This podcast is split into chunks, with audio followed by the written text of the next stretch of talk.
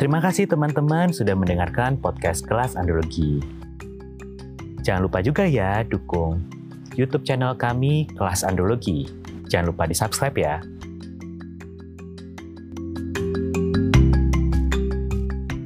Salam Andrologi. Kembali lagi bersama saya Dr. Seso di podcast Kelas Andrologi.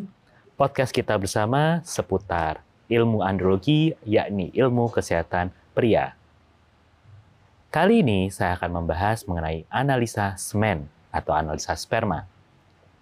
Buat kamu nih yang sedang promil pasti tidak asing dengan yang namanya analisa sperma, yakni analisa cairan mani.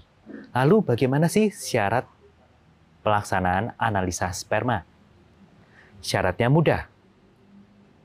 Kalian perlu untuk abstinensia atau puasa tidak mengeluarkan sperma selama 48 jam atau dua hari hingga tujuh hari.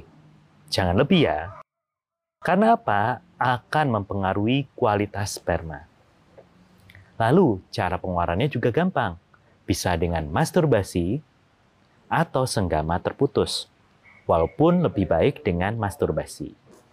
Nah, pengeluarannya sebaiknya dilakukan di ruangan khusus yang terletak dekat dengan laboratorium untuk pemeriksaan analisa sperma.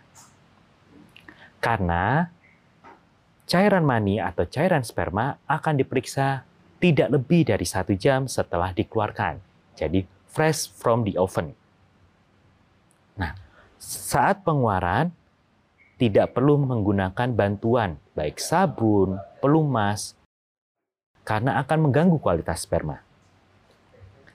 Saat pemeriksaan cairan mani atau analisa semen akan diperiksa dua macam, yakni makroskopis yang terlihat dengan mata telanjang dan mikroskopis yang hanya bisa kita lihat di bawah mikroskop.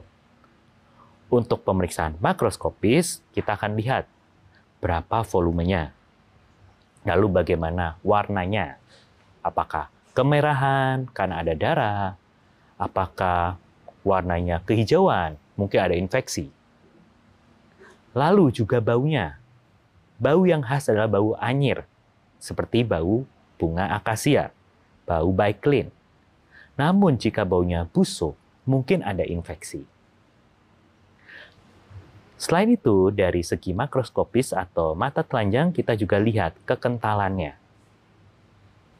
Kalau yang terlalu kental atau terlalu encer, biasanya berkaitan dengan ada gangguan di kelenjar aksesoris pria, misalnya prostat.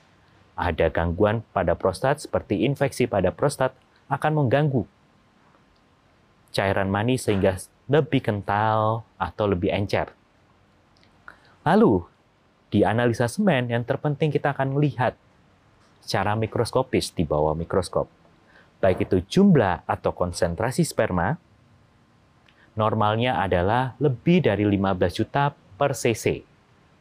Jika kurang dari 15 juta per cc, kita katakan oligozoospermia.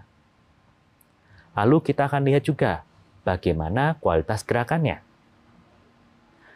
Gerakan dari sperma kita katakan bisa bergerak progresif, yakni bergerak maju, maupun non-progresif, dia muter-muter atau gerak di tempat, atau imotil tidak bergerak sama sekali. Nah, pergerakan yang normal adalah lebih dari 32% persen sperma bergerak progresif atau bergerak maju.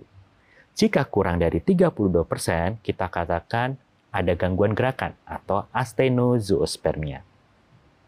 Lalu yang dievaluasi sekali lagi pada pemeriksaan di bawah mikroskop adalah morfologi atau bentuk sperma.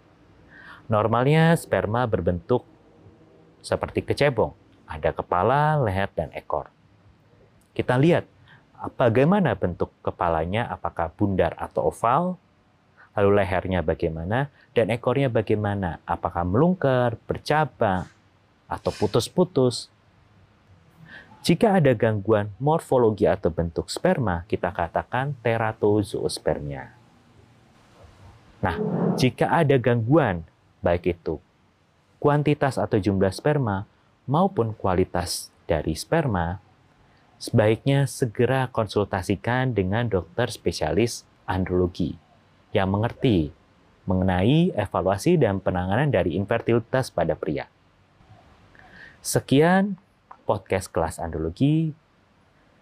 Dengarkan terus podcast kelas andrologi dan salam andrologi.